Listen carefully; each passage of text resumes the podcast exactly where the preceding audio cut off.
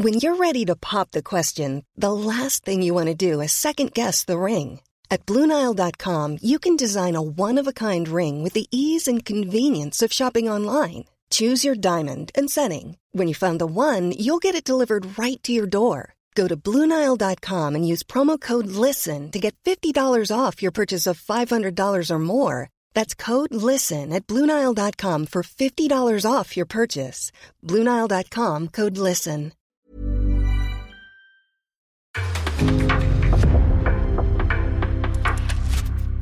En podcast från Aftonbladet.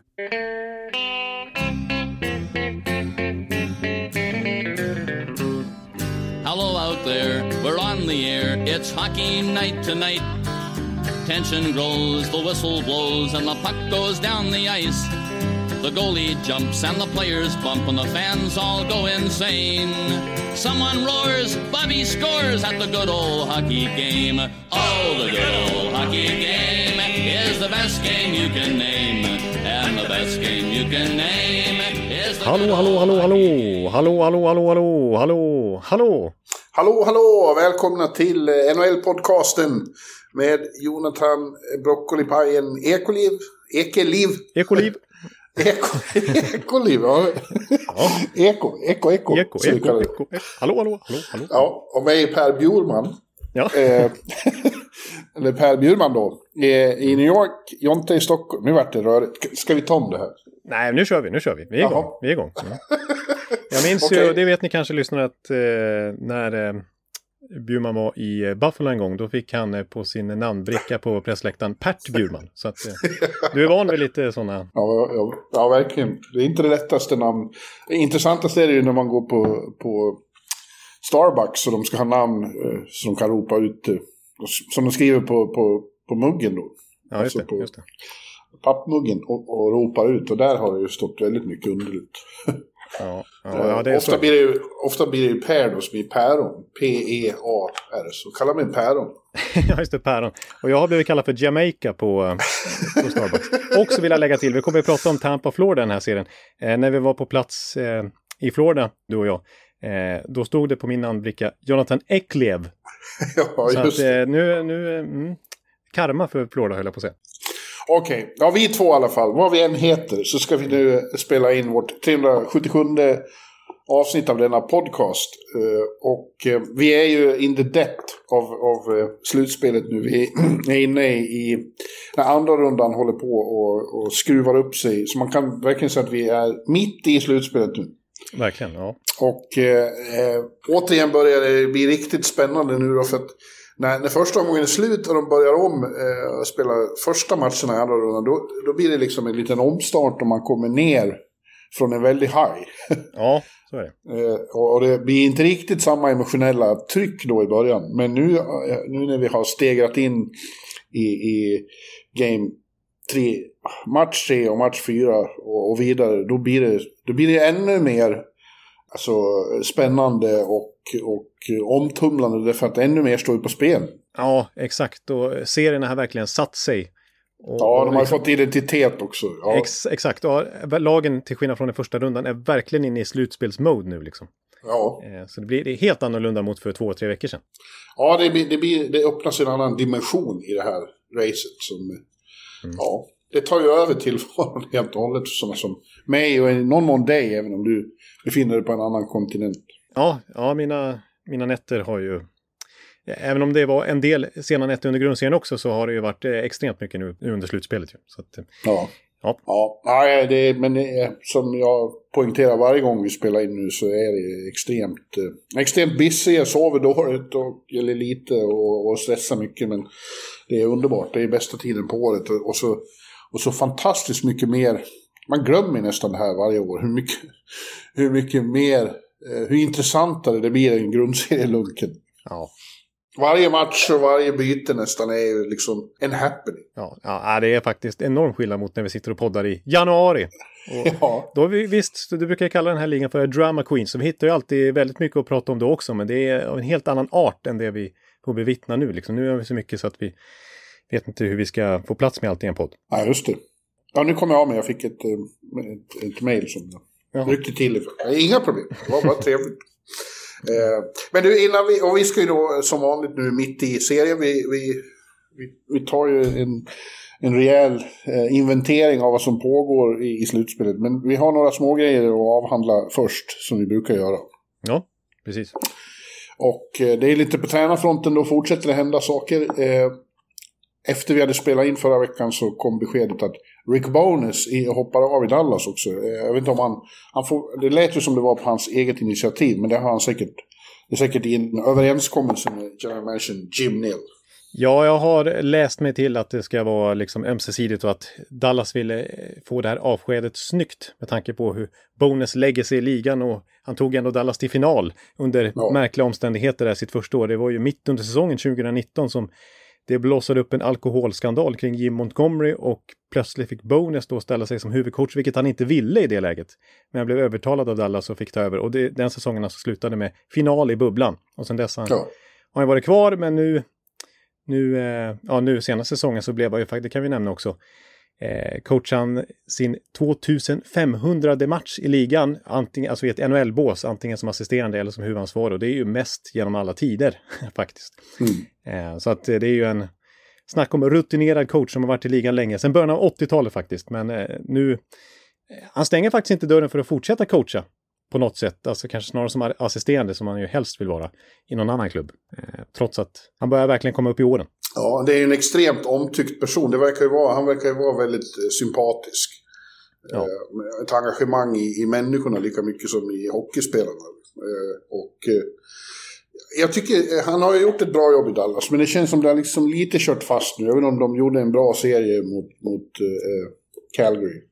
Mm. Så eh, ja, det känns som det behövs ny, eh, liksom, en ny röst där. Men Bones, som de kallar honom, borde förmodligen göra några år till som assisterande någonstans. Det känns som att han passar bättre i den rollen som, som spelarnas polare.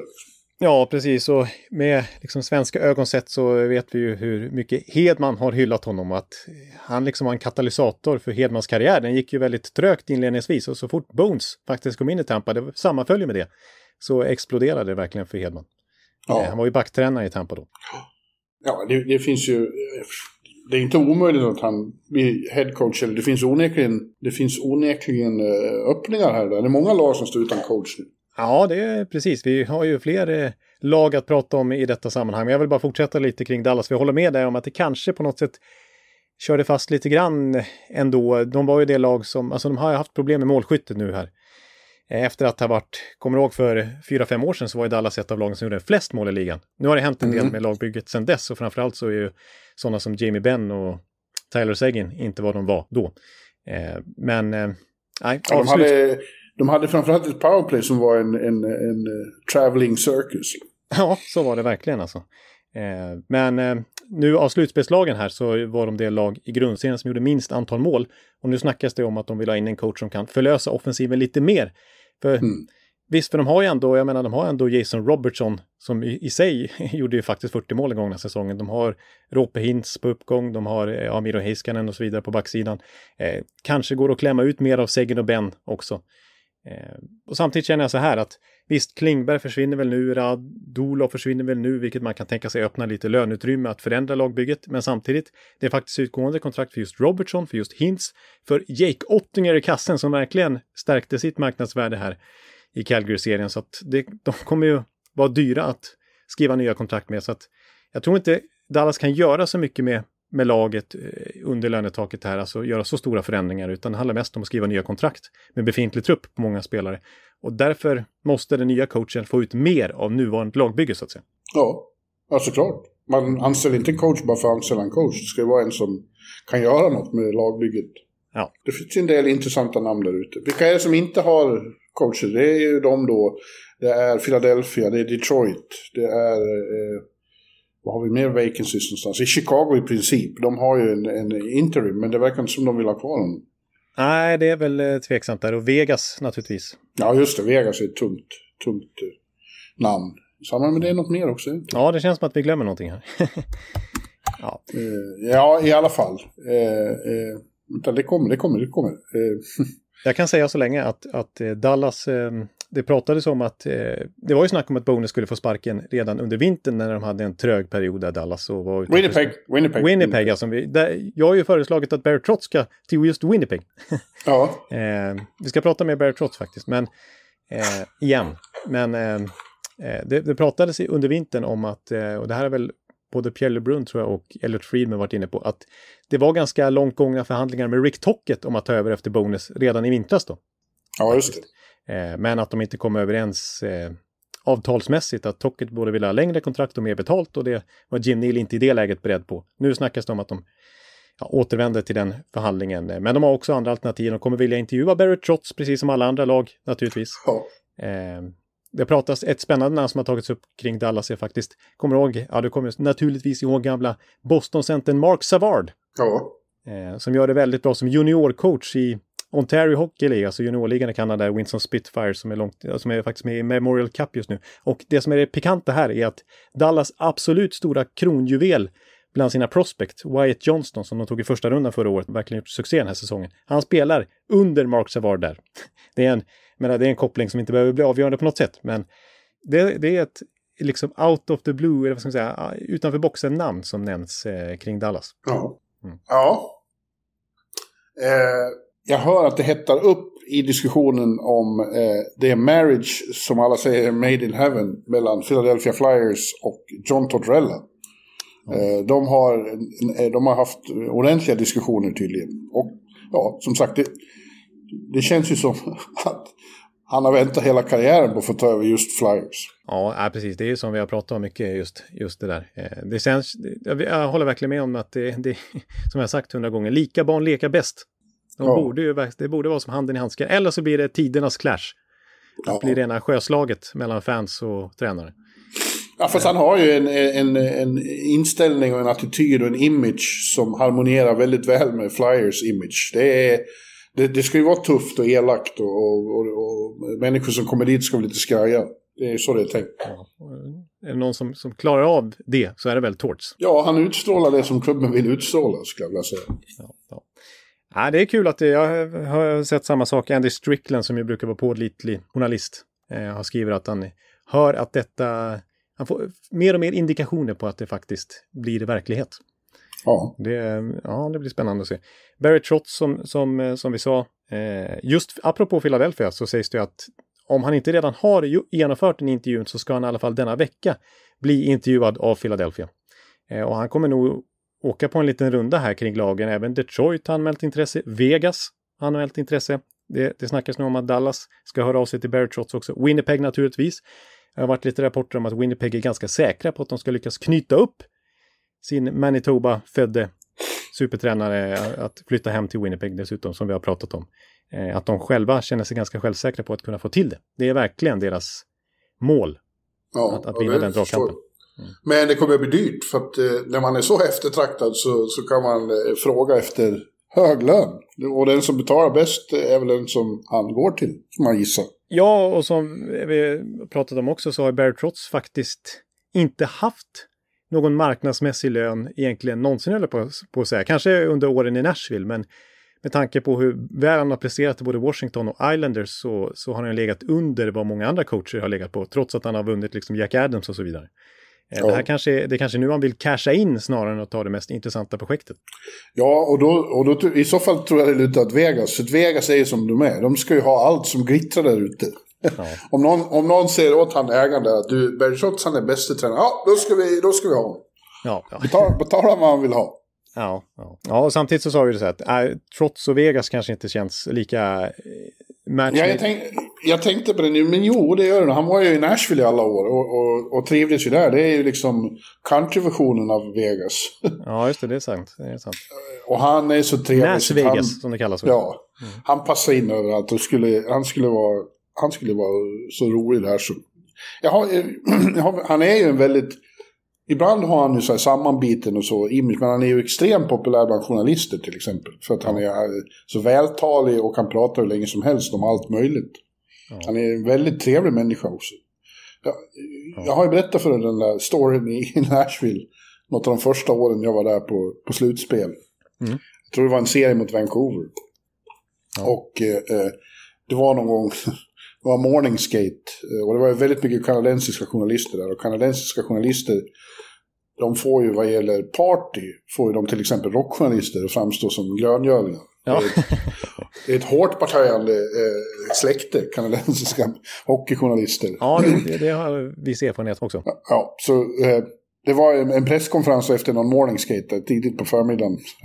Och Barry kommer in och sätter sig vid, vid podiet och tittar ut över vad som förmodligen var en väldigt sorglustig syn. Ja.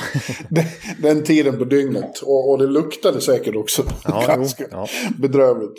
Så han, han satt tyst i, i några sekunder, så, så lutade han sig fram mot mikrofonen och sa You know guys, it gets even better closer to the weekend. Ja. Ja. Eh, och då tror jag man passar bra in i Vegas också. ja, det tror jag också. Och jag, vill lägga till också, jag tyckte du hade en bra poäng senast vi snackade trots också, att, eh, att eh, det var inte så många som klagade på Washingtons spel när han var där, att det var tråkigt och defensivt och den här stämpeln han har fått i Islanders. Nej. Eh, Så att eh, han kanske kan vara det som förlöser Vegas då. Ja, vi får se. Vi har i, i just Nashville då, som Mm. eh, vi nämnde där, där är ju numera John Hines tränare och han, honom förlänger de med. Och eh, Ja. i två år. Och Poyle är tydligen förtjust i honom. Jag är ju inte det så jättemycket. Jag tycker att han gör ett, Han har gett dem en ny identitet och det har efter ett tag, det har ju gått rätt okej. Men jag, jag tycker han känns så träig både i sin utstrålning och i sitt sätt att praktisera hockey. Alltså jag, ja, jag har en tudelad bild av honom. För samtidigt så tycker jag så här, alltså man var ju väldigt skeptisk i början när de verkligen tog ett steg tillbaks. Alltså när man, när man byter coach från Le- Levilette till Heinz så förväntar man ändå någon slags positiv reaktion som det, ett coachbyte brukar innebära. Men i Nashvilles fall var det ju verkligen ett steg tillbaks där liksom många av toppspelarna blev ännu sämre än sån som Filip Forsberg var nere i fjärde kedjan. Likaså Johansson och Duchene och Josie gick från Norris Trophy till att vara ganska medioker ett tag. Jo. Mm. Men sen så i slutet på förra våren och sen den här säsongen så har ju tvärtom flera av toppspelarna, till och med uträknade Johansson och Duchene, slagit personligt poängrekord hela, hela bunten. Alltså Josie liksom gör nästan 100 poäng och Filip Forsberg hade poängsnitt på nära 100 poäng. Eller var väl till och med 100 poäng till och med och, och över 40 mål och så vidare. Så att då, då, då, då var det plötsligt ett steg tillbaks, två steg framåt för många av toppspelarna. Och som lag tycker jag att de presterar rätt bra sett till lagbygget Poyle har fååt ihop. För, för när vi pratar om Nashville efter sweepen mot Colorado så var, riktar ju både du och jag mer eh, liksom pekfingern åt eh, Ja. pek, mot, mot Poyle då. Ja, det är ett större problem eh, såklart. Att, att eh, han bygger sitt lag så konstigt. Men eh, att de åker fyra, att de blir svepta är ju inget bra om Heinz heller. Även om det var en massa otur. Alltså de Saros fick klara sig ut. så. Ja, Saros framförallt. Men, och Colorado är ju på ett annat ställe. Liksom. Men, men i alla fall. Ja. Men det är också det som vi pratade om då, det här med den här luddiga ägarstrukturen och att det inte känns Ja. som att någon ans, liksom, att, att Poyle är någon slags gudfader där och inte har någon överordnad som ställer krav på honom. Utan att Poyle får göra i princip vad, de, vad han vill. Han har varit där under hela klubbens historia. Och ja, fortsättningsvis, alltså ett intressant citat efter den här Heinz presskonferensen, där naturligtvis Poyle var med också när de offentliggjorde det här tvåårskontraktet. Så eh, fick han ju fråga om Filip Forsberg, hur går det där? Utgående kontrakt, förlängningssnacket. Och han sa ju att han vill absolut förlänga med Filip Forsberg. Men att eh, vi får se, det kanske blir så att Filip testar free agency. Ja. Eh, att, att, alltså att han, han kanske stannar i Nashville men att han väntar tills datumet har passerat och, och han kan verkligen lyssna till bud från övriga klubbar innan han i så fall förlänger med Nashville. Och så sa han också att oavsett om Philip stannar eller inte så ska vi fortsätta med våran competitive transition. Det är absolut ingen rebuild på gång här utan det, det han har ju sin Han- compet competitive transition som han håller på att babbla om. Ja, och, och, och, och har fantasier om att de ska vinna Stanley Cup snart. Ja. Eh, han, är, han borde... Alltså det, det är inte nyttigt att ha en människa på den posten under, med så fria tyglar så länge. Nej, nej, det måste i nya ögon där. Det, det Ja. kan gå att vända på den här Nashville-skutan på något sätt. Det finns ändå en hel del diamanter där, men eh, det är inte Paul som... Han, han, han har det inte längre. Nå, Nå Jonathan, skitsamma. Vi ska Ja. inte prata om Nashville nu. Nej. Nu har vi pratat om dem flera avsnitt idag. De är Ja, det får de nog. För, för ett tag i alla fall. För övrigt fyller Mattias Ekholm år, år idag när vi spelar in det. Så grattis till Ja, det kan man säga grattis. Grattis, Mattias. Ja, men nu ska vi ge oss i kast med det som vi är här för. Eh, Ja. Och det är ju ingenting annat än eh, Stanley Cup. Och eh, andra omgången som, som sagt stegrar in mot eh, den verkliga eh, stormens öga nu. Eh, och eh, vi börjar av de matcher som spelades i måndags då. Game 4 mellan först Tampa och Florida och eh, St. Louis, Colorado. Och vi börjar med, med Tampa då, med The Battle of Florida, så är det redan över. Vi spelar ju nu är det tisdag och då är det en vecka sedan det började. Men det är alltså redan över för att eh, Tampa fullbordade en sweep. Och det hade du inte, inte ens du hade fantiserat om det. Nej, verkligen inte. Utan tvärtom som vanligt så tippade jag mot Tampa och jag slog jo, till jo, jo. Dina 4-1 offentliga, till. Ja. Ja, ja du, och dina offentliga tips är en sak. Men vad du trodde i hjärt, även i, i, i den optimistiska delen av ditt hjärta så hade du aldrig trott att de skulle svepa Panthers. Nej, och inte på det här sättet. Alltså, Florida gör tre mål på fyra matcher. Det lag som alltså hade det högsta målsnittet under hela 2000-talet i grundserien. Över fyra mål per match. De gör inte ens ett mål per match i den här serien. Nej, Nej. Nej det, det var ju ett, ett... Det går inte att säga något annat än att det var ett fiasko för Panthers, den här serien. Nej. Eh, vad den visade var ju vad vi har pratat om så många gånger. Tampa vet hur man spelar slutspelshockey. Panthers vet det inte. De fortsatte spela grundseriehockey. Eh, och hittade aldrig något sätt att växla upp riktigt. Mot det som, eh, som man måste göra den här tiden på året. Och, och vart helt enkelt... Ja, de vart avspolade av Tampa. Ja, men inte riktigt på det här sättet som till exempel Colorado spolade Nej. bort Nashville utan att det var liksom överkörningar i matcherna. Utan det var många matcher som stod och vägde. Men när det kom till avgörande skeden då var det liksom rutinen och inställningen som blev avgörande. Eh, för, för spelmässigt sett så, ja, Florida skjuter ju klart mer skott än Tampa trots att de torskar med 4-0 i matcher och så vidare. Men när det kommer till till exempel skott från slottet, då är det Tampa som har övertaget. Alla de här viktiga kategorierna verkligen som avgör matcher och matchserier, där var Tampa bättre överlag och det, det säger ju 4-0 naturligtvis också. Ja, grejen med dem är ju att eh, en av många orsaker till att de är det lag de är, är att de kan vinna på så många olika sätt nu för tiden. Eh, Här stängde de ju ner Florida, det var vad de gjorde. De vred vapnen ur händerna på, sakta ner dem, tog de bra chanserna ifrån dem och lät dem skjuta utifrån. Fine, vi har världens bästa målvakt. Prova med det får ni se. Eh, Ja. eh, vill de så skulle de kunna gå upp mot ett Colorado, eller eh, eh, kanske inte Colorado, men låt säga att om det skulle vara Rangers som får möta nu, då skulle de ju kunna köra över dem med offensiv, eh, eh, alltså klang och jubelföreställning. De kan ju det också. Men ja, ja. nu, nu, nu tog de, det här var ju vad Cooper kom fram till att så här slår man Florida och det hade han ju fullständigt rätt. Precis, för den där offensiva hockeyn, ungefär den som Florida trodde att de kunde spela i slutspel nu, det är ju den Tampa sysslade med i väldigt många år. Eh, Ja, eh, när de till exempel 2018-2019 slog grundserierekord, ännu bättre än vad Florida hade i år. Eh, flest antal segrar någonsin i NHL-historien ihop med, tangerat med Detroit, någon upplaga och något Montreal-lag tror jag. Men, eh, men sen så blev det alltså 0-4 matcher mot Columbus när väl slutspelet började. Så det är just det här eh, slutspelshockeyn då, som skiljer lagen åt. ja, ja. Eh, men, eh, ja, eh, men jag tror att de skulle... Eh, Cooper vet hur man, hur man ska anpassa sig efter motstånd och vad man ska spela för slags hockey. Och, och det, det var ju märkligt eh, oväntat tror jag för Florida eftersom de trodde att det skulle bli ungefär som när de möttes i fjol. Då var det ju mer kaosserie. Ja, då var det ju det kanske den mest underhållande serien på flera år. Jaha. All, Ja. En av dem i alla fall. Och det var ju många som hade förväntat sig det, inklusive Panthers kändes det som. Men Tampa tog en helt annan eh, tour genom den här serien. Och har ju av många blivit anklagade för att vara tråkiga nu. Så att de spelar tråkig hockey. Eh, men eh, det gör man ju ibland. Det gjorde de mot Islanders i fjol också. Det var så de slog Islanders. Ja, och som sagt, eh, när vi säger att förra årets serie mellan de här två lagen var mer underhållande, då blev det 4-2 till Tampa i en, liksom en vilda västern-show. Eh, Men eh, nej, Tampa vill inte gå upp i det nu. De, de kör sin mer stänga ner hockey och då blir det 4-0 i matcher istället. Så jag menar, det är ju... De väljer ju den mest effektiva hockeyn. Det är också, var också talande att eh, spelarna och coachen i, i Florida efteråt stod och, och, och var så nästan förundrade över hur mycket Tampa fortfarande vill vinna. Hur mycket de är beredda att offra. Att de, de täcker skott precis hela tiden. De sliter som djur i närkamperna. De gör allt man måste göra. Eh, och de, de kände sig, det verkade som de var, jag har inte riktigt fattat det här. Att det är det som krävs, ja, precis. Ja, Ja, det, eh. det var de inne på efteråt här och det sa ju Brunette efter Game 3 också, eller match 3 Ja. skulle säga att nej, det, det är tyvärr så att Tampa, det ser ut i alla fall som att de vill mer när de spelar hockey. Ja. Ja. Så ska det inte vara, menar han då, naturligtvis. Men, det var så det var. Ja, å andra sidan är det hans uppgift att se till att eh, viljan och åtrån finns i det egna laget. Han var ju... Han avslöjades ju lite som rookie-coach Jag tror att det hade varit annorlunda om Quenville hade varit kvar. Ja, så är det ju i... Det hade varit spännande att se eh, en rematch mellan Cooper och eh, Quenville. Efter finalen 15, där ja. det var ombytta roller. Ja.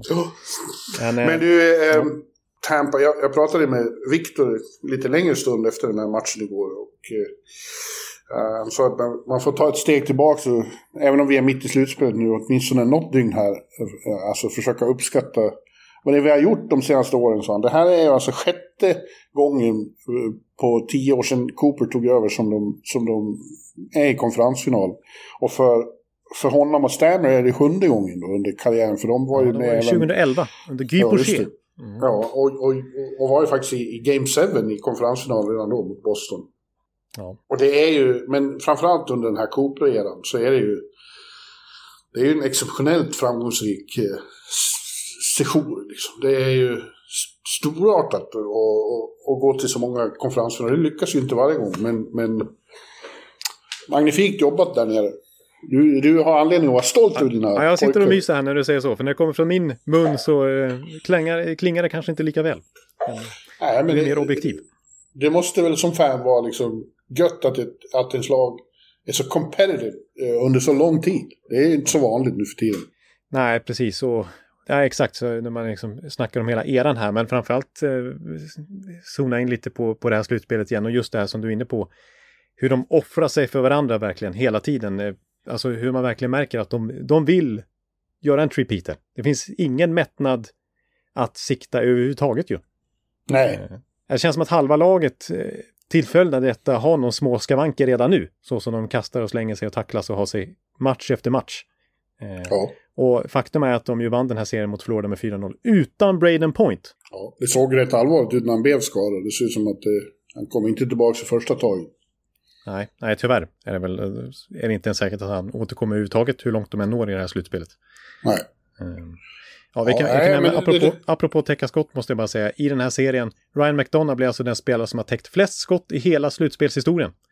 Och Tampa är det lag som har täckt flest skott av alla hittills i slutspelet. Så det är ju en detalj som är rätt viktig. Ja.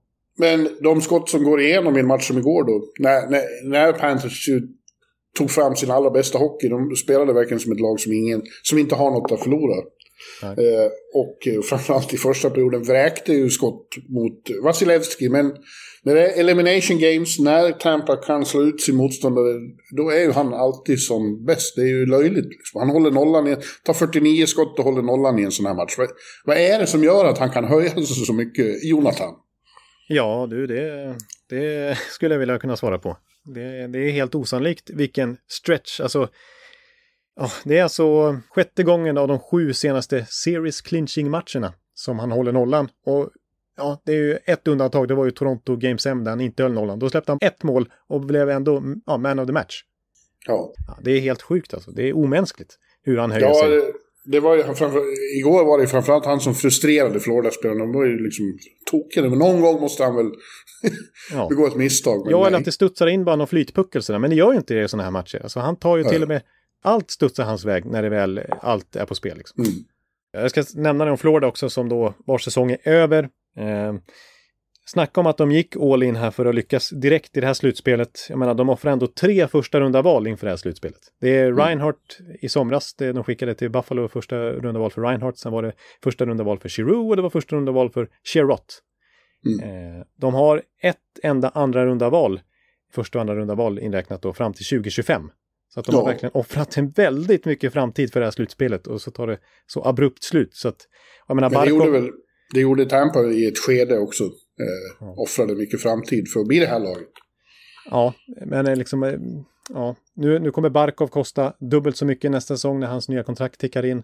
Eh, en sån som Verhage som bara kostar en miljon den här säsongen kostar drygt fyra miljoner nästa säsong. Giroux och Chirot kommer de inte ha råd att förlänga med och om ett år till ska Juber då ha betydligt högre lön så att eh, ja, de måste de, ja, de har inte så mycket liksom, utrymme att, att spetsa till laget eller göra om laget, utan det är verkligen så här som Barkov och Juber då som måste, de måste lära sig att spela slutspelshockey. Det, det, det är materialet Absolut. de har som måste lära sig nu. absolut, de två är ett bra exempel på två stycken som inte eh, kan det än. Som inte klarar av att prestera med den hårdare bevakning de får i slutspelet. Det måste de helt enkelt bara eh, bli bättre på. Ja. Med rutin ska det gå. Ja. Man är så begåvad. Exakt. Ja, ja. Nu, nu går vi vidare. Ja. Eh, och eh, den andra serien som eh, nådde sin eh, fjärde rond fullbordade sin fjärde rond igår var den mellan Colorado och St. Louis. Och, och där var det två första matcherna tycker jag den kändes lite otydlig i serien. Den hade ingen riktig identitet. Men det fick den sannoliken eh, i St. Louis. Och den fick storylines som stod ut som de mest eh, kraftfulla i hela slutspelet. och eh, den, den, den tunga storylinen är då den här situationen i tredje matchen när eh, Nassim Kadri kolliderar med Jordan Binnington och har Kalle Rosén emellan sig eh, och Binnington. Och det slutar med att Binnington skadas eh, och tvingas avbryta den matchen och är borta resten av den här serien åtminstone. Med vad som verkar vara en knäskada då. Och, eh, eh, Kadri och Colorado och NHL får man ju säga eftersom det inte blev något efterspel alls. Det blev ingen utvisning, blev ingen bestraffning. De hävdar ju då att det var helt eh, en olyckshändelse men i, i St. Louis-läget så är, är sanningen att Kadri gjorde det där medvetet. Han har ju, ett, ett, eh, han har ju blivit avstängd förr, han har ju mycket på sitt samvete. Ja, mot just Eh, St. Louis förra året när han släckte Justin Ja. Fuchs säsong till exempel. Så att de har ju väldigt ont blod mot honom sedan tidigare. Ja. Men eh, det här blev ju allvarligare då. Eh, Craig Berube muttrade om att det var eh, hans rykte och, och Binnington själv slängde en plastflaska på, på Kadri under en tv-intervju efter den matchen. Det var väldigt dramatiskt. Snacka om drama queen i serien. Ja. Ja. Och sen blir det då en sån storm mot Kadri på, på internet framförallt. Det riktas rasistiskt hat och dödshot mot honom så de får lov att ha polisskydd på hotellet. Och när de kommer tillbaka till arenan igår. Mm. Han, han är extremt hatad i hela St. Louis. Och vad blir Nassim Kadris replik? En av de bästa repliker jag någonsin sett på i en sån situation. Karl gör hattrick mitt i hatstormen i St. Louis. I St. Louis, inför alla fans som de fortsätter att bete sig och bua och peka finger och så vidare. Ja. Eh, Men han gör alltså hattrick och nu är det 3-1 i matcher till Colorado och de, kan chans, ja, de har chansen att avgöra här. ja, natten till torsdag hemma i Ball Arena i Denver. Visst. Det är extremt spektakulär händelseutveckling i serien. Det är, det är fruktansvärt att människan... Jag har också haft synpunkter på Nassim Kadris uppförande genom åren. Men att, det ska, att människor hemfaller på hot och, och rasism, det är, det är så, man blir bedrövad över samtiden och hur många ärthjärnor det finns där ute som blir upprörda över någonting. Då tycker de att man har rätt att dödshota andra. Ja, det spårar under något helt bisarrt liksom. Eh, och jag tycker, jag tycker- man är också jag jag besviken tycker- på St. Louis som organisation Ja, här. ja, Eh, dels dels så, så som på isen, alltså hur de eh, lägger så mycket vikt vid att eh, eh, vara på Kadri, vilket de verkligen straffades för i, i match fyra här. Eh, liksom Ja. David Perron och, och Braden Shen och så vidare. De, de blev ju bara utvisade för det. Eh, men Men också, Bushnevich och Perron hade en se- sekvens där båda var ute så samtidigt för de skulle hämnas på Kadri. Det blir Så 5 mot otroligt. 3 och så, Ja. visst nu hann 5 mot 3 precis löpa ut, men innan de riktigt kommer tillbaka till spel så gör just Kadri mål. Och det Ja. liksom eh, ytterligare förstärker Colorado-ledningen.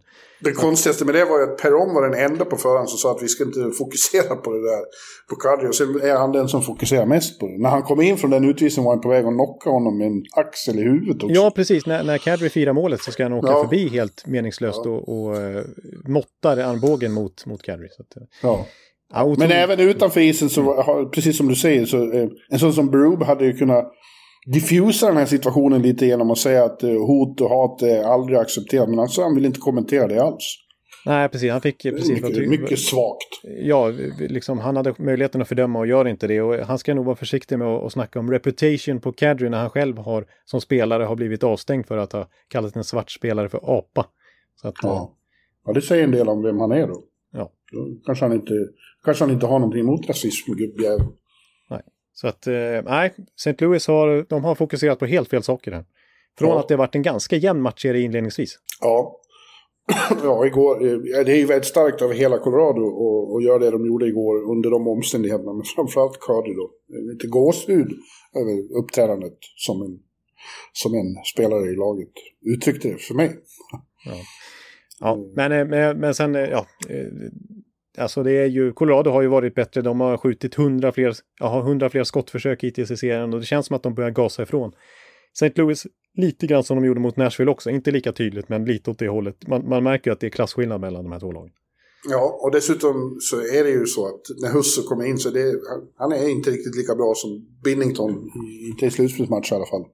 Nej. Ja, han, var inte, han var ingen vidare igår och det fick ju de lov att erkänna att alla, inklusive han, behöver vara bättre. Ja, precis. Och riktigt den här styrkan som var i grundserien med, med St. Louis som delvis visade sig mot Minnesota, den här bredden liksom. De har spets, men de har också framförallt bred spets. Alltså, de hade alltså nio 20-målsskyttar i grundserien, mesta, högsta siffran i cap, under cap-eran då.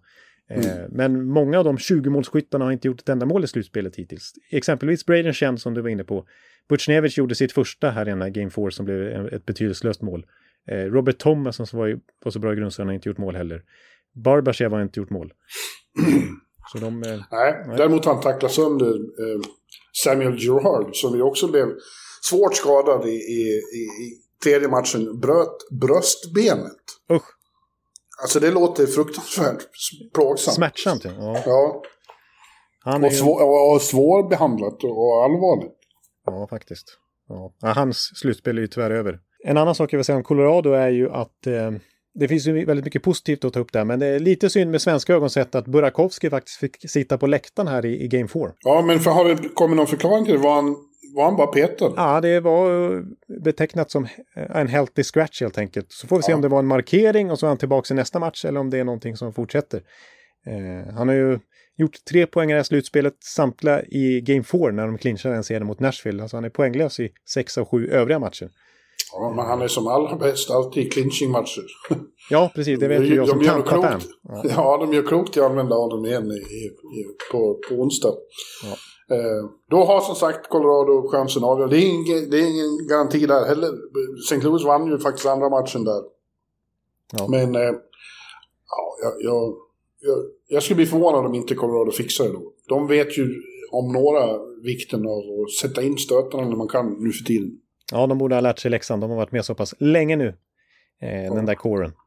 Ja. de känns fokuserade. Vilket ju eh, liksom exemplifieras, personifieras allra bäst av Nathan Kadri, att ha fokus på rätt saker. Ja, han, kommer att bli, han kommer att få njuta desto mer i den. Det kommer han ju vara hyllad av sina fans för den här insatsen. Så är det. Ja, eh, och nu är det tisdag vi sitter här och spelar in och om bara någon, när vi är klara ska jag göra mig ordning eh, och sätta på mig slips och kostym och, och ta mig över eh, Manhattan för att gå och se Game 4 mellan Rangers och Carolina. Den serien står ju då 2-1 eh, till Carolina.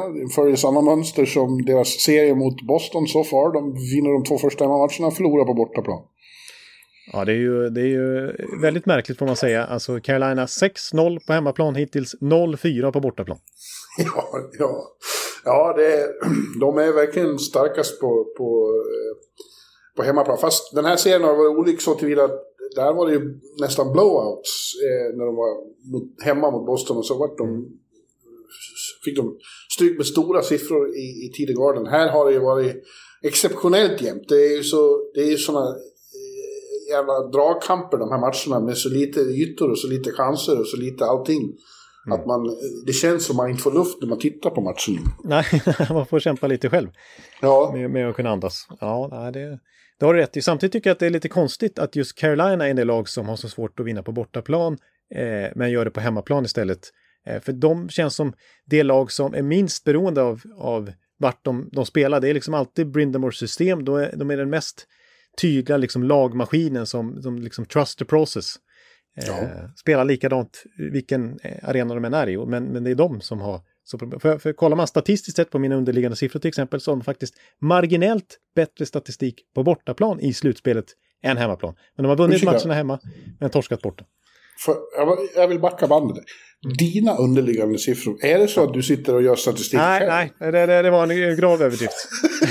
men jag menar, i podden så är det oftast jag som, som eh, hänvi- hänvisar till dessa va? och eh, tar, drar mest slutsatser av dem så att säga. För det finns ju de som amatörer som, som för egen statistik. Det, ingen skulle bli förvånad om du var en av dem. Nej, nej, men jag kan här bekräfta att jag, jag är inte... Nej, det gör jag. Jag sitter inte och bokför för, för egen räkning. Jag gjorde det, kommer jag ihåg, en gång när vi var i Dallas och eh, kollade på Klingberg. För jag tyck, eller ja, vi kollade på många, men, men jag följde Klingberg väldigt noga under, under en hel match. Eh, antecknade hur många passningar han gjorde med backhand. Jag tyckte han gjorde, spelade så exceptionellt mycket med backhand. Så tog jag upp med det med honom efteråt. Eh, och han bara skrattade och sen sa han inget mer. det tror jag. Han drog ingen slutsats alls av det. Nej. ja, men ni, ni statistiker tycker ju ofta att ni vet mer än spelarna själva till och med.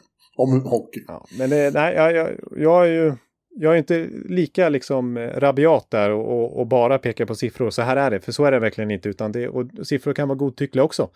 Eh, så att det är liksom, men det är mixen. Och det, mm. Men det kan vara bra att hänvisa till också och dra vissa slutsatser av.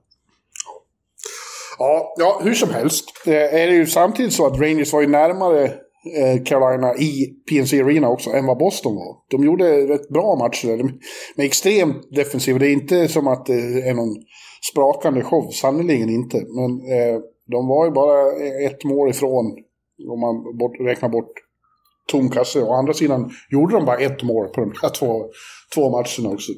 Ja. Ja. Eh, det, det, säger en del om serien. Sen var det, det var ju målsnålt här i tredje matchen också, men då klev ju eh, Mika och Kreider fram och gjorde varsitt mål eh, när de slapp eh, spela mot Jordan Stahl. Då. Just det, precis när de hade sista bytet. Mm. Och så är båda målvakterna bra, men framförallt Sjistorkin var ju helt lysande i, i, i söndags. Eh, igen. Ja, snacka om att han, har, att han har lyft sig efter att ha blivit så förnedrad i Pittsburgh inledningsvis av den serien och, och, närmast knäckt kändes det som. Men det har ju, alltså sen de hamnade i 3 underläge i den serien så är han nästan 94-procentig och ligger otroligt bra till i den här goal saved above expected som jag brukar prata om. Alltså han borde ha släppt in tre mål fler än vad han har gjort sedan dess.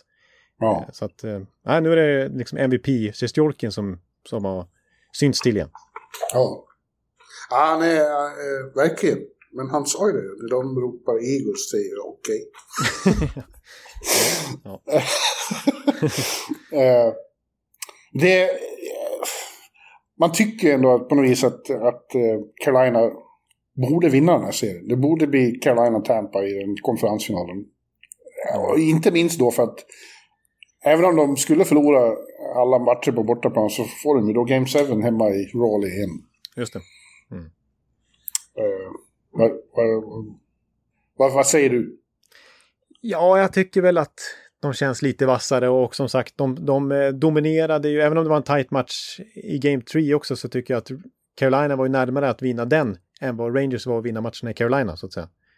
Ja, fast jag håller... Ja, första matchen där i Carolina, om, om Rangers inte hade blivit fullt så försiktiga i tredje perioden så hade de kunnat vinna den matchen. Det är en balansgång där för dem, hur mycket den som får ledningen. Det är väldigt viktigt med första mål så i den här serien. Ja, ja.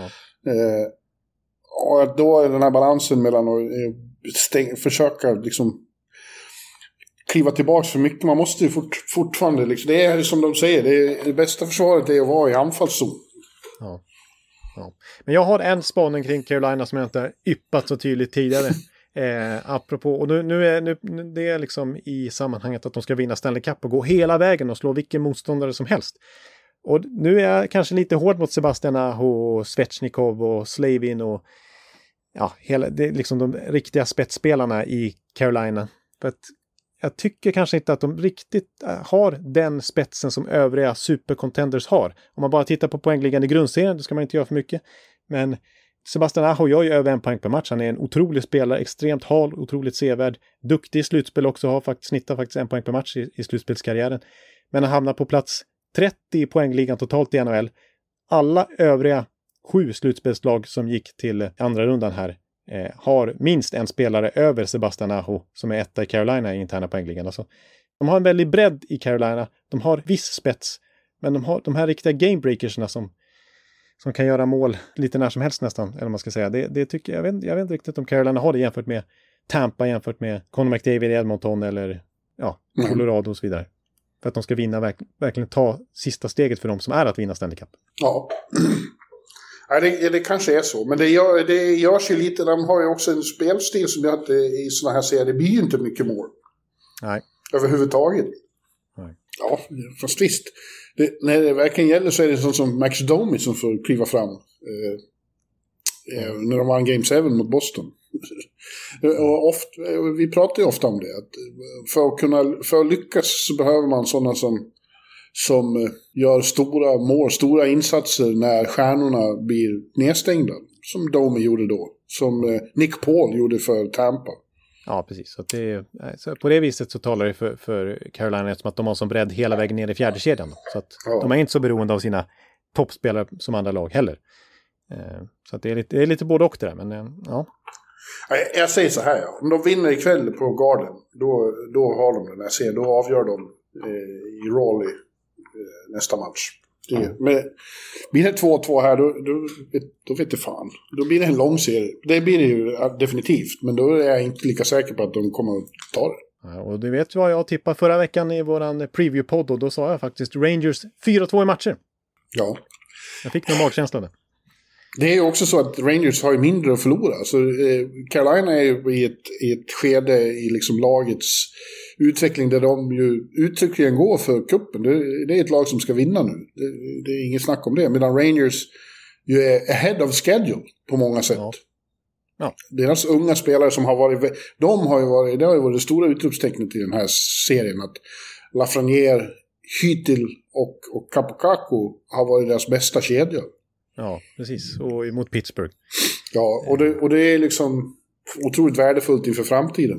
Det, precis, det, är mer som... så, alltså, när, om Rangers åker ut i den här serien mot Carolina så kan de ändå ta väldigt mycket positivt ifrån den och de har samlat på sig nyttig erfarenhet och då är det ja. först nästa år som det kanske gäller, eller framöver liksom. Men för Carolina är det verkligen så att de var så otroligt besvikna förra året. Ja. Och, och liksom Sebastian, just Sebastian Aho sa då att han trodde att vi var redo för nästa steg och så var vi inte det. Nästa år, då måste vi ta nästa steg. Och liksom Men så säger, så säger många. Alltså de får tänka på att det är 31 lag till som känner likadant. Ja. Ja. Eh, ja. ja. Eh, det ska bli spännande. Det ska bli spännande. Det känns som det kan bli nasty ikväll också. För att det slutade ju med mycket tjafs och elakheter förra matchen. D'Angelo och Domi just var ju hög på Rangers-spelare och eh, Jared Galant var inte glad. Han skrek Shut the fuck up, så man. Ja, till D'Angelo och eh, ja. Jappingen så här. Och vi, han, efteråt sa han att vi har spelat, om de vill ha en sån där serie då har, vi, då har jag mannar på bänken här som jag kan kasta ut. Till exempel Ryan Reeves. Ja, Ryan Reeves fick frågan igår om Tror du, tror du att uh, nastiness och, och slutet av matchen kommer det att spela över till Game 4? I hope so. så. Ja. ja. Ja. ja. Ja, så det, blir, eh, det ska bli spännande att se. Fast vi har det bästa kvar till sist, Jonathan Ekeliv. Ja. The Battle of Alberta är must see TV i Nordamerika. Ja. Och eh, det är framförallt nu Edmonton som har sett till att det blir det. Eh, Calgary som är favoriter i den här serien och som har varit så bra hela grundserien. De är i trubbel nu efter tre matcher. Framförallt beroende på en spelare. Ja, alltså det är ju så att Conor McDavid är på Gretzky slash Lemieux-nivå nu. Och det är inte bara något man slänger sig med, utan det är ju statistiskt så är det ju bara de som kan mäta sig med vad han har gjort hittills drygt. Mm. Ja, så här långt in i slutspelet, halvvägs in i andra rundan. Liksom. Vi kan ju börja med siffrorna. Så han har på 10 matcher har han 23 poäng. 2019 i slutspelet, då vann Brad Marchand och Ryan O'Reilly. De delade på första plats med 23 poäng efter över 20 matcher bara. ja. ja. Han var också den första någonsin att göra mer än en poäng i nio av de tio första matcherna. Ja. Det ja. har inte ens Gretzky och Lemieux eller någon gjort. Nej, precis. Gretzky har två gånger gjort mer än 23 poäng på de första tio matcherna. Lemieux har gjort det en gång. Eh, så att eh, ja, det, det, är verkligen otroliga siffror av McDavid och han är ju så som han match efter match nu dominerar på ett sätt som vi inte har sett sen, sen just Lemieux och Gretzkys dagar. Alltså vi, vi har inte sett en spelare som kan... Nej, i, i, modern tid så är det närmaste Erik Karlsson 2017 när han drog Ottawa ända till Game 7 i konferensfinalen. De egentligen inte hade någon business alls där att göra. Nej. Men, men, men McDavid, med all respekt för Erik, så var, är McDavid bättre nu.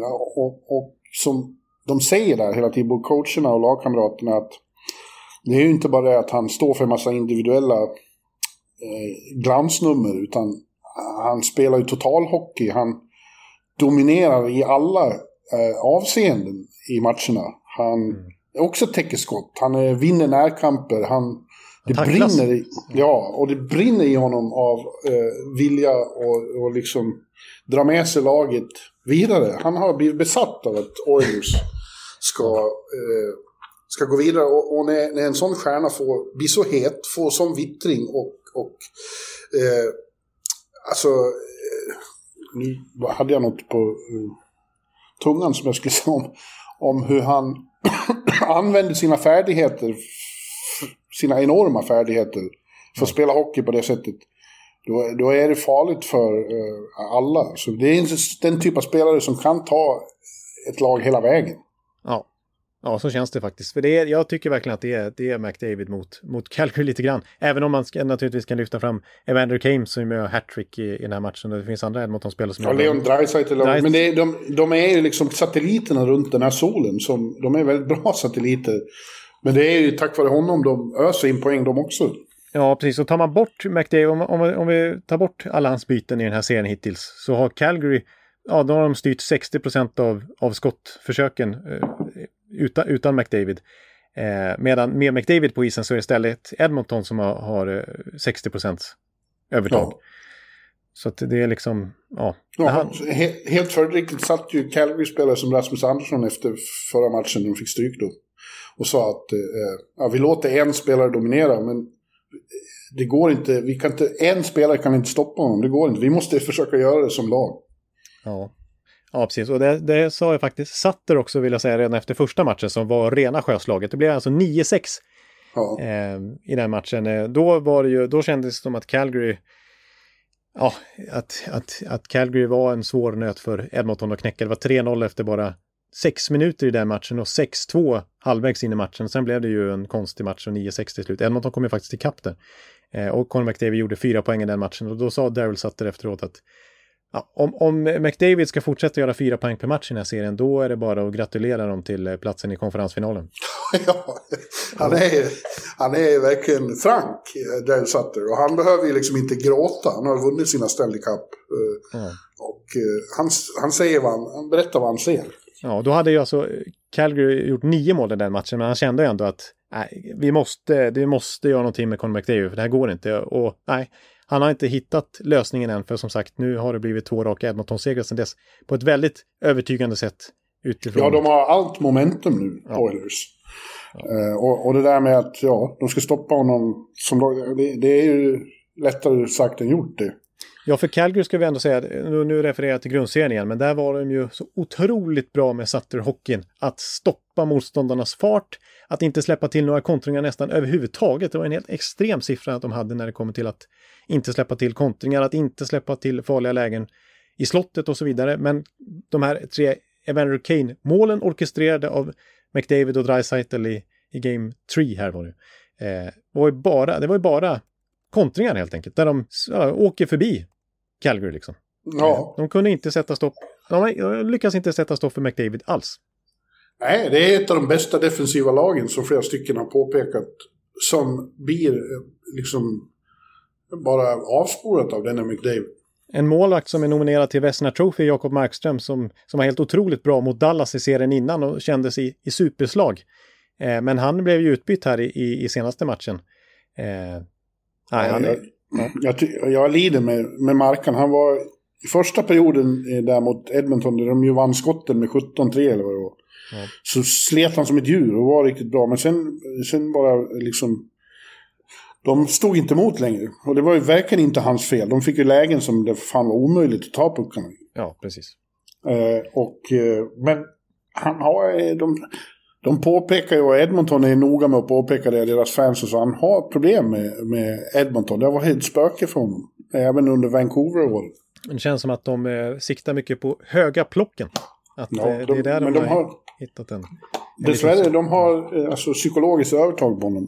Mm. Och sen sägs det ju så här, enligt Pierre LeBrun i alla fall, som eh, hänvisar till källor nära Mike Smith, att Mike Smith, som vi, vi, vi sa i, i preview-podden där, att, att eh, det är en klar målvaktskampfördel för Calgary med, med Markström jämfört med Smith, men att enligt LeBrun då, så Smith tar den här serien till med personligt då. För att eh, när Markström kom till Calgary då var det ju så att, att eh, han valde, de stod mellan när han lämnade Vancouver, var antingen Calgary eller Edmonton och Edmonton trodde att de vunnit, hade vunnit det racet, att de låg, låg väldigt bra till åtminstone. Men så blev det till slut Calgary ändå. Eh, och så fick Edmonton gå tillbaks till Mike Smith lite med svansen mellan benen och säga så här, ja, du, vi, vi förlänger väl med dig. Och så mm. skrev Mike Smith på och då hade ju eh, Mike Smith tidigare varit i Calgary dessutom och blivit ratad. Så att han ser det här som en liksom, lite personlig revansch mot, ja, mot, eh, mot Markström och mot Flames och mot Oilers-ledningen överhuvudtaget så här, att bevisa att han minsann är en duktig målvakt. Ja, men han, eh, har, har, han var ju väldigt bra i senaste sommaren, men han har ju också haft skakiga ögonblick i den här serien. Ja. synnerhet den 9-6 matchen där så var han ju inte bra. Nej. Och man vet aldrig vad man får med Mike Smith. Jag har jämfört honom med, med uh, Forrest Gumps chokladask där. ja, det... när, man, när matcherna börjar säga som att öppna den chokladasken, you never know what you, you're gonna get. Nej, precis. För han, han är ju en sån målvakt som kan stänga igen totalt om man har dagen. Men han kan ju också vara en sån som bjuder på tre mål. Ja, nu säger jag som Forrest Gump, that's all I have to say about that. ja, ja, det är bra. Det är bra. Ja. Mm. Ja. Ja, och, och ja, tar Edmonton 3-1-ledning där i, i, ikväll, då, då tror jag att de... Jag tror de blir svåra att stoppa. Jag, jag tycker det känns som Colorado-Edmonton är vår konferensfinal i väst. Mm. Ja, det är, mm. det, det är mycket som talar för det just nu. Och jag, jag, sa jag, jag tippade ju Calgary i den här serien förra veckan och eh, jag har ju faktiskt väldigt höga tankar om Calgary. Kanske för höga tankar. Ja, jag, jag har satt så att Calgary ska vinna hela Stanley Cup. Mm. Eh, jag försökte mig på någon slags skräll där. Eh, men, men, men, jag tänkte att Daryl Sutter kommer inte torska en coachmatch mot Jay Woodcroft. Liksom. Men, men jag tycker inte det handlar om det, utan det är ju det är McDavid som de inte har något svar på. Det handlar inte om, om Edmonton som lag, utan det handlar om Conor McDavid.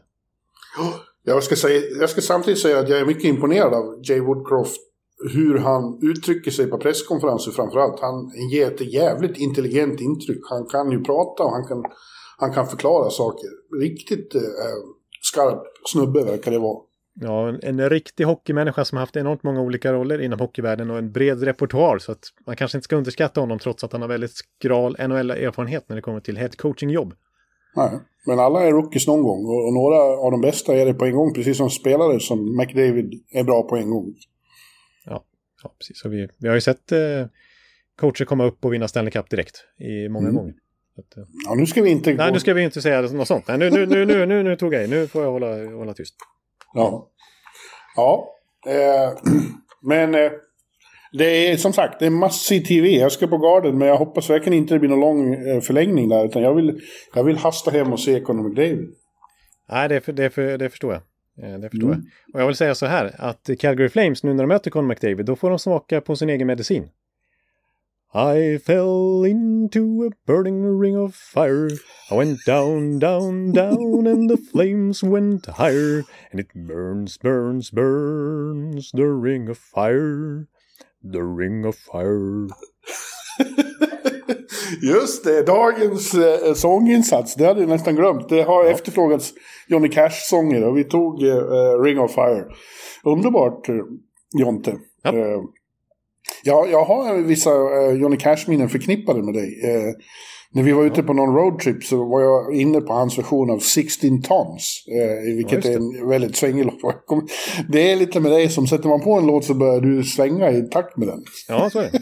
du, du är liksom... Ja, du är, du, man trycker på en knapp på dig så blir det liksom bum, bum, du sjunger med och, och slår i takt och så. Och den var du väldigt inne på. Jag vet inte om du kommer ihåg det? Jo, jag kommer ihåg att det blev liksom temalåten för hela resan. ja, ja. Den rekommenderas. 16 Tons med Johnny Cash. Lyssna på den. Ja. ja. Eh, och med det så säger vi väl eh, tack för den här eh, gången. Vi återkommer ganska snart när vi, eh, de här serierna är klara och vi, vi ska tippa konferensfinaler och sånt. Ja, precis. Det blir väl, ja, vi får se när det blir. Men eh, ni, ni, ni hänger ju med då. Det, ni kan förvänta ett avsnitt när det är dags för konferensfinaler. Ja. Vi säger så eh, för denna vecka och tackar så mycket för att ni lyssnar på oss. Hej då! Hej hej!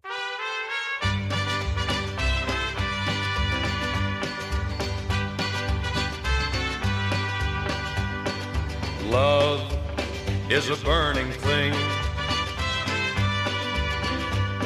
And it makes a fiery ring Bound by wild desire I fell into a ring of fire. I fell into a burning ring of fire. I went down, down, down, and the flames went higher. And it burns, burns, burns. The ring of fire, the ring of fire.